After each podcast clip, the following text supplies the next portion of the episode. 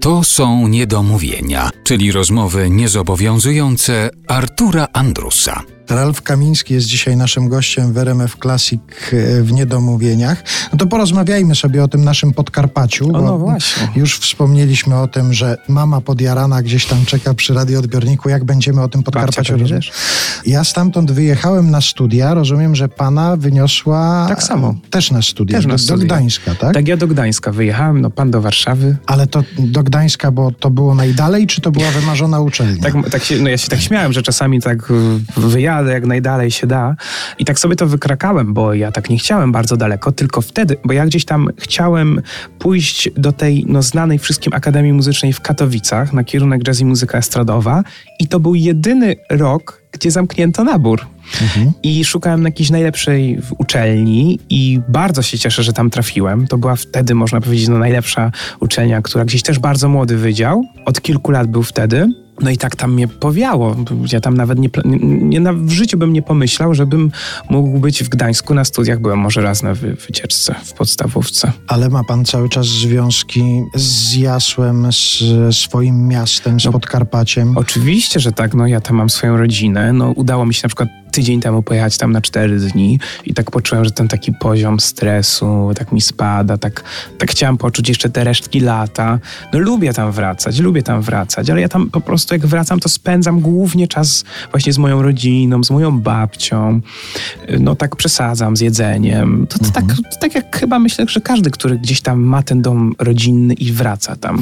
Ale to jest często, myślę, że często też krzywdząca to jest opinia. Mówi się o tym, że to jest bardzo konserwatywny rejon. To jest nieprawda. No więc właśnie. To jest taka, myślę, że to jest taka, można powiedzieć, że ja na przykład w ogóle nie mam konserwatywnej rodziny. Oczywiście, że są osoby bardziej tradycyjne, konserwatywne, ale nie są w takim bardzo mm, nieładnym zaczeniu, że to jest ktoś, nie wiem, niemiły, nieakceptujący.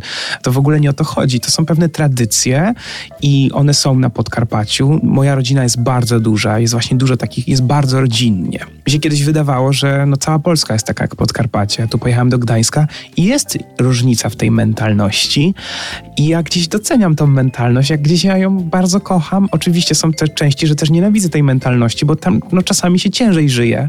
Są różni ludzie, prawda? Ale nie nazwałbym, na pewno też nie nazwałbym to, co ma też chyba, nie wiem, jak pan się do tego odniesie, ale że Podkarpacie jest biedne, że tam w ogóle jest bieda, to też jest nieprawda. Ja mówię panu, że takie samochody, jak jeżdżą po tym jasie, to ja, ja naprawdę nie wiem, to chyba wszyscy z tej Ameryki, z tego mhm. Chicago, jak to się mówi, przyjeżdżają albo, no nie wiem, tak samo, nie wiem, na przykład ten Rzeszów, to też jest taki bardzo czysty, zadbany. Kilka lat temu, zdaje się, to było, a może nadal to tak jest, że to było jedno z dwóch miast, w których przybywało mieszkańców, Rzeszów i, I tam Warszawa. chyba tak się dzieje. Mhm. Tak się chyba tam dzieje. Nie wiem, czy wróciłbym na Podkarpacie. Może marzy mi się taki dom na lato, taki na wzgórzu, tak z widokiem na moje miasto, taką pracownię, żeby się tak odcinać, tak artystycznie się zapadać. Ta Warszawa mnie wchłonęła i nawet ten Gdańsk mnie tak nie wchłonął, chociaż czuję ogromny sentyment, jak tam przyjeżdżam tak na trzy dni, tylko no czuję coś, coś takiego, że tych ludzi, tego co było tam w tym Gdańsku, no tak ba bardzo niedawno już nie ma, że tak jestem tylko takim gościem, który tak wpada trochę do przyszłości.